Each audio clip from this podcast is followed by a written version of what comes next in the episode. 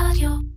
אנחנו עכשיו מתכננים בית חולים לטלרפואה, אנחנו באמת לא יודעים איך לבנות, אפילו ברמה הכי בסיסית של אה, איך המבנה הזה ייראה. אנחנו לא יודעים, אנחנו לא יודעים איך יטפלו עוד שנתיים או עוד חמש שנים.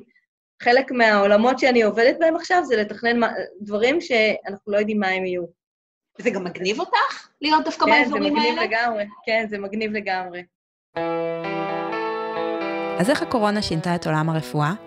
איך מתכננים את העתיד כשאין מושג אפילו איך ייראה מחר? אני הדס להב, וזה הלא נודע.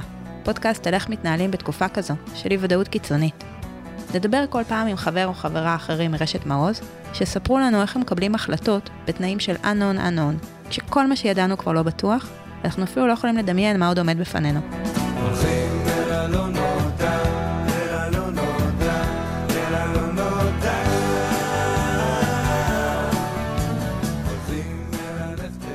נעים מאוד, דוקטור גליה ברקאי, מנהלת יחידות זיהומיות ילדים בתל השומר.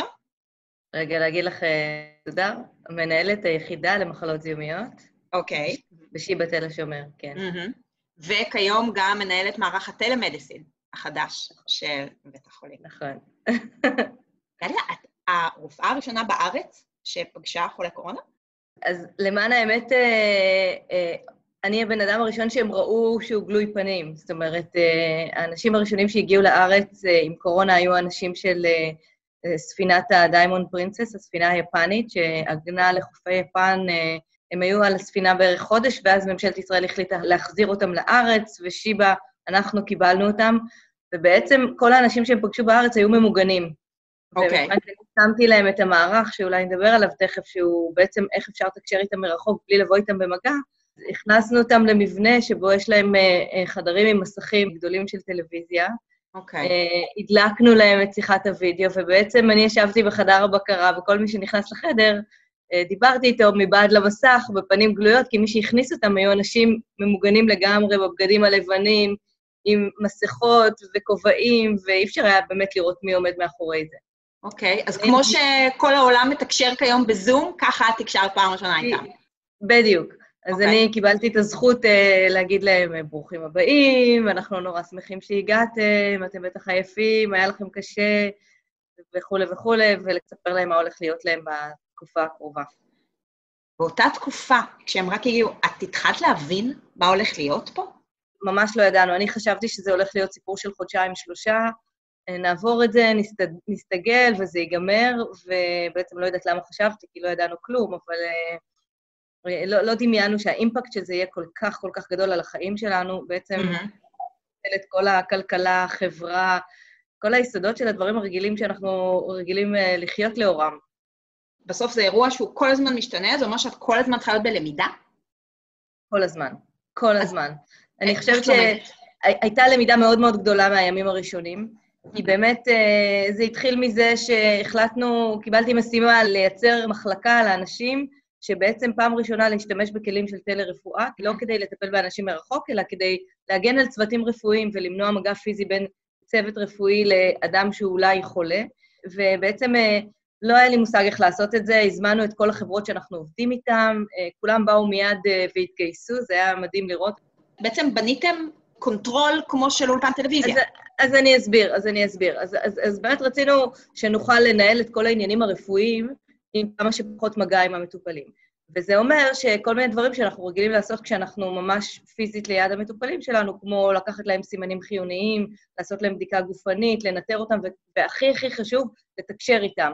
אז Mhm. כל זה רצינו לעשות מרחוק, אז בעצם השארנו להם כל מיני דברים בחדר, טאבלטים, מכשירים לבדיקת uh, סימנים חיוניים, סנסורים מתחת למיטה, דברים כאלה, וגם השתמשנו בצג הטלוויזיה שהתקנו עליו כל מיני דברים, ואנחנו בעצם שמנו את עצמנו כולנו מחוץ למבנה הזה, זאת אומרת, בנינו שם, למען האמת, ניפחנו אוהל של בית חולים שדה, כי זה היה הכי נוח, והתקנו בו את כל החדר בקרה הרגיל שאנחנו בדרך כלל עושים אה, בבית חולים. ובעצם ככה תקשרנו, החדר רופאים ואחיות היה שם. אנחנו ככה תקשרנו איתם מרחוק. ככה בעצם היה צריך לקחת מחלקה פנימית, שהייתה רגילה לעבוד בבניין של מחלקות פנימיות, עם איזה חדר רופאים קטן, וכל היום להסתובב בין החולים, ובעצם להעביר אותם אה, שינוי אה, רציני, אדפטיבי, אה, להיפרד מהאמונה הזאת שצריך כל הזמן להיות על החולה ולגעת בו, לעבוד בצורה שממש לא הכירו, גם ללמוד טכנולוגיה, אבל גם בעצם להבין שאפשר לעשות את זה, שזה יותר קשה אפילו, כשאתה לא נמצא ליד המטופל עצמו.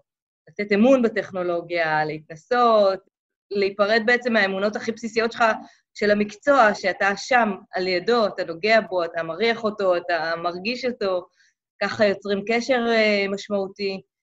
שאלה אם בכלל אפשר ליצור קשר משמעותי כשאנשים כל כך רחוקים פיזית. את יכולה לתאר באמת איך זה מרגיש? את בתור רופאה מטפלת במישהו מרחוק. קודם כל, האנשים שם, בהתחלה זה היו אנשים יחסית אה, מבוגרים, לא כולם היו מאוד טכנולוגיים, לקח להם זמן אה, עד שהם התמודדו עם הטכנולוגיה. צריך להדריך אותם הרבה, ובכל החלק הזה שבו, אה, א', הם חרדים שהם לא יצליחו, הם נורא עסוקים בטכניקה ופחות בתקשורת. אז הם לא פנויים להקשיב ולהבין, אבל ברגע שאתה עובר את המשוכה הזאת, ויש טיפה התרגלות, אז אני חושבת שאפשר לייצר קשר משמעותי.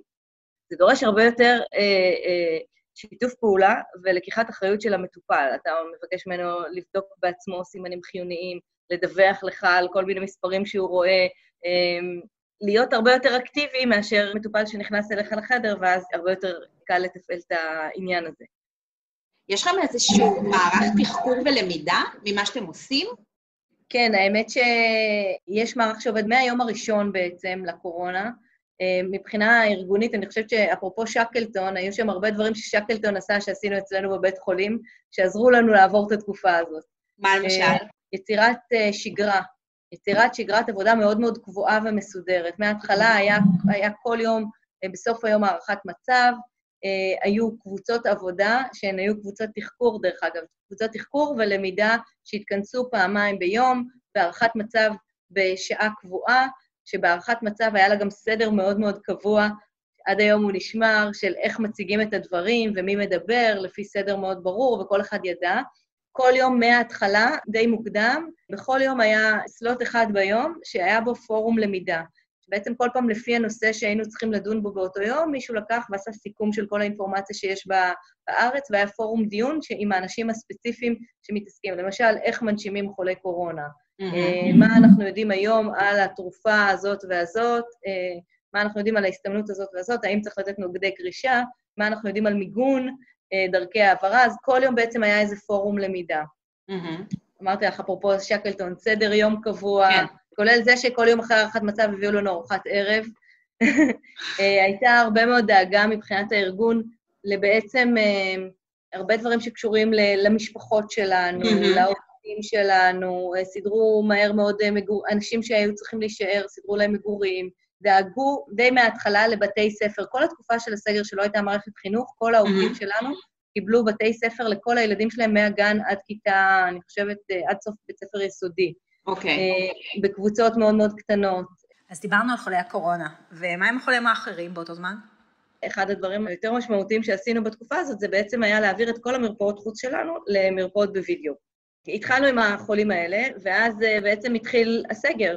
ואנשים לא יכלו לבוא. ממש סגרו okay. אוקיי. לנו את המרפאות חוץ ולא נתנו לאנשים לנסוע מחוץ לבית, ובעצם ידענו שרוב המטופלים שזקוקים לנו זה לא חולי הקורונה, זה כל שאר המטופלים שלנו, חולי סרטן וחולים פסיכיאטריים, mm-hmm. והילדים החולים במחלות כרוניות וכולי, שהם לא יכולים להמשיך לקבל את הטיפולים שלהם עכשיו במרפאות החוץ שלנו. הרבה מאוד ממרפאות החוץ שלנו לא דורשות באמת בדיקה גופנית. סתם דוגמה, מרפאת לחץ דם. אתה בא עם המדידות שלך, עם הזה, שואלים אותך איך אתה מרגיש, מרפאת סכרת, מה אכלת, איך אתה מרגיש, מה מדידות הסוכר, לא באמת חייבים לעשות את כל הבדיקה הגופנית. ויש הרבה מאוד חשיבות לייצר את הרצף הטיפולי הזה לאורך זמן עם המטופלים. אז העברנו מאוד מהר, תוך משהו כמו שבוע עשרה ימים, את כל המרפאות חוץ שלנו, אפשרנו לכל המטפלים שלנו בעצם לעשות את הביקורים האלה בווידאו. ובעצם בגלל שפרסנו את זה כל כך מהר, אז היה לנו יחסית קל ללמוד מאיך אפשר לשפר את התהליכים. אם היינו עכשיו מטמיעים את הדבר הזה במשך שנה בבית החולים לאט-לאט, היה לנו הרבה יותר קשה, היה לוקח לנו גם הרבה יותר זמן לשפר את התהליכים, ללמוד גם על הטכנולוגיה, גם על הרצף של הטיפול, ואני חושבת שזה אחד מהיתרונות של הדברים האלה, שאתה עושה את זה מהר. אין לך ברירה, אז אתה מתחיל. אז יש דברים שהם ייחודיים לסיטואציות האלה. Mm-hmm. אז לפעמים יש בזה חסרונות, כי כבר היו אנשים שענו לנו מהאוטובוס או מהקניות. אבל מה קורה אם את רואה פציינט מרחוק, ופתאום באמצע הוא אומר, אבל דוקטור, נורא כואב לי פה. את שואלת אותו, מה זה פה? והוא מראה לך פה, וזה בבטן. מה, מה את עושה אז? אז בוודאי ובוודאי מצבי חירום אין מה לדבר, הם לא יהיו מרחוק אף פעם. ובמצבים שבהם אנחנו לא יכולים מספיק להתרשם, אנחנו לא מצליחים לייצר את כל הערך שאנחנו אמורים לתת מהביקור הזה, אז אנחנו בהחלט אומרים לאנשים לבוא ודואגים לזה שזה יקרה מהר. חלק מהמחויבות שלנו גם, לא לעכב אנשים בגלל שראינו אותם מרחוק ועכשיו נחכה לתור עוד שבועיים. את מדברת על בית חולים, אבל בעצם המערך הזה קם באמצע הקורונה, ואז את, עם כל המחלקת קורונה שהקמת ועם כל המחלקה, את באה ואומרת, אני רוצה את זה, בנוסף. זאת אומרת, באת ואמרת, אוקיי, זה, אני רוצה לנהל את זה. לא היה לך מספיק על הראש?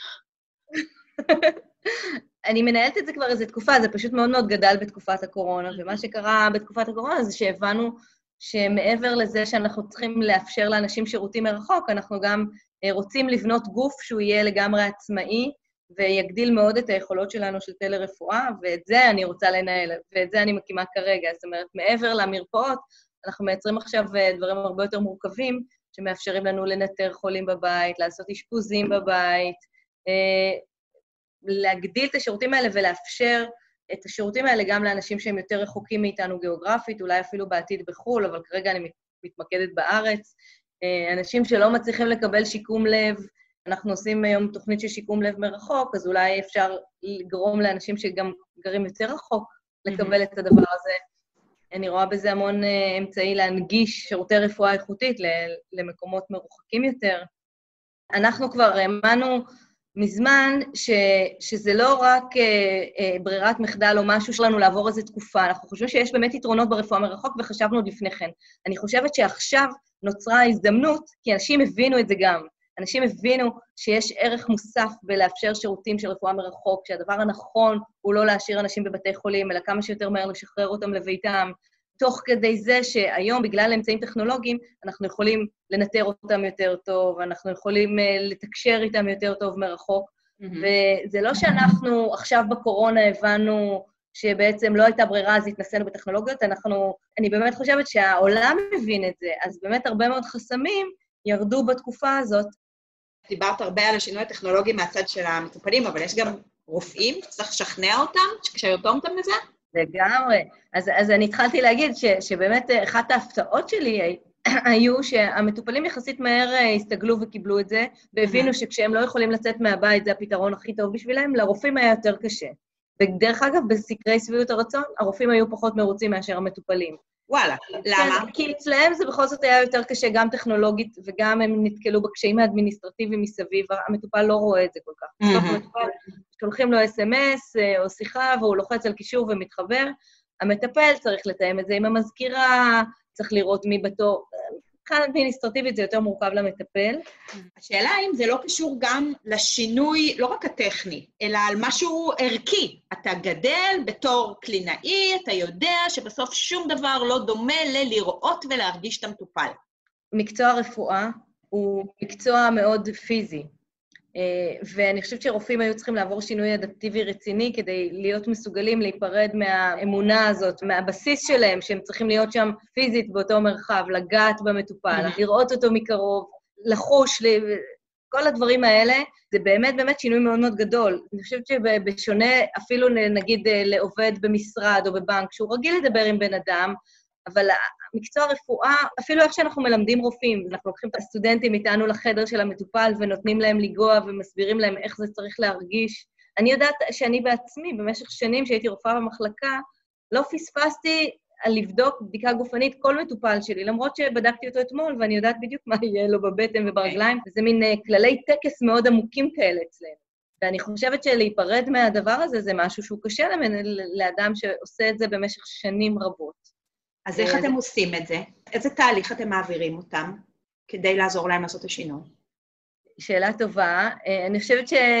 תראי, אני, אני, לא, אני לא עושה איזה תהליך עמוק של להעביר את ה... יכול להיות שצריך באמת. את אישית עשית את השינוי הזה בקלות? לך לא היה קשה לוותר על המגע? אני כבר, אני כבר עושה טלרפואה כמה שנים. כן, קשה לי לוותר על זה, אבל uh, התרגלתי, זה בהחלט תהליך שצריך לעבור אותו. ולהגיד שזה היה אינטואיטיבי לי, לא, זה לא אינטואיטיבי לאף אחד מאיתנו, וזה זה בהחלט תהליך שצריך לעבור. גם עשינו בשיבא איזה קורס כזה, הכשרה לאנשים שמטפלים בטלרפואה, שעיקר העיסוק שלו הוא לא טכני או טכנולוגי, אלא איך לייצר תקשורת אפקטיבית וכל הדברים שדיברתי איתך עליהם קודם, על קביעת גבולות ו- ואיך בכל זאת מייצרים תקשורת וסטינג וכל הדברים האלה, אנחנו כן מלמדים אותם. אבל אני לא חושבת שזה מספיק, אני חושבת שבן אדם צריך לעבור עם עצמו תהליך פרידה מהעולם הישן ומעבר לעולם אה, חדש ושונה. ואני רוצה להגיד גם שגם בעתיד, אה, הרבה מהדברים יעבדו ככה, אבל אין לי ספק שעוד יהיה הרבה מאוד מקום למגע הפיזי ולמגע הקרוב, ולא לכולם זה יתאים, ויש מצבים כמו חולי טיפול נמרץ, חולים מאוד קשים וכולי, שאין ספק שהם צריכים את הטיפול המאוד אינטנסיבי מקרוב. אני רוצה אה, להחזיר אותך בסוף לתחום המקצועי הראשון שלך. אנחנו נמצאים בשיא של מגפה שאף אחד לא יודע מה קורה איתה. בטח אנשים באים אלייך ואומרים, את, את יודעת, את כאילו מומחית למחלות זיהומיות. את יודעת? לא. יש לך? לא. גם היום אני לא יודעת. ומה את עושה כשבאים אלייך ומצפים ממך לאיזושהי ודאות? אני פשוט אומרת שאני לא יודעת. כשלא יודעים, צריך להגיד שלא יודעים. אמ, נגיד, את מסתכלת אחורה בחצי שנה האחרונה הזאת, מה, מה הדבר שהיה הכי מפתיע עבורך? נגיד, משהו שאם יודעת, אם היית כזה מסתכלת ברביעי במרץ, או קצת לפני, היית אומרת, אין מצב דבר כזה אי פעם יקרה. האימפקט של המגפה הזאת, שהוא כל כך כל כך גדול על כולנו, וזה בעצם משהו שאתה לא יכול לראות בעיניים, זה נגיף, אתה לא יכול לראות אותו בעיניים, זה משהו שמאוד קשה להבין אותו. זאת אומרת, לדמיין שככה יקרה. את יכולת לדמיין שעוד חצי שנה ככה יראו החיים שלנו?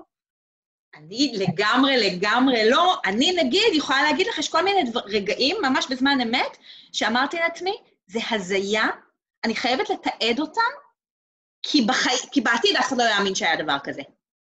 יש לי רגעים כאלה, כן. מה אה, למשל? ר- רגעים קטנים, את יודעת, זה לא... באו לעשות עליי איזו כתבה לעובדה, וזה היה די בהתחלה, והיו לנו חולים ראשונים, ו- וזה באמת היה נראה כמו איזה מופע סוריאליסטי. זה היה כבר לקראת הקיץ. התחילו פתאום ברקים ורעמים והפסקות חשמל, ואני יושבת בתוך האוהל הזה, בכתב הזה, והם מודיעים שסוגרים את כל מערכת החינוך. ממש באותו יום הודיעו שסוגרים את מערכת החינוך וואו. ממחר. וזה דברים, זאת אומרת, כאילו, לפני שבועיים עוד לא היה בארץ קורונה, או לפני כמה שבועות.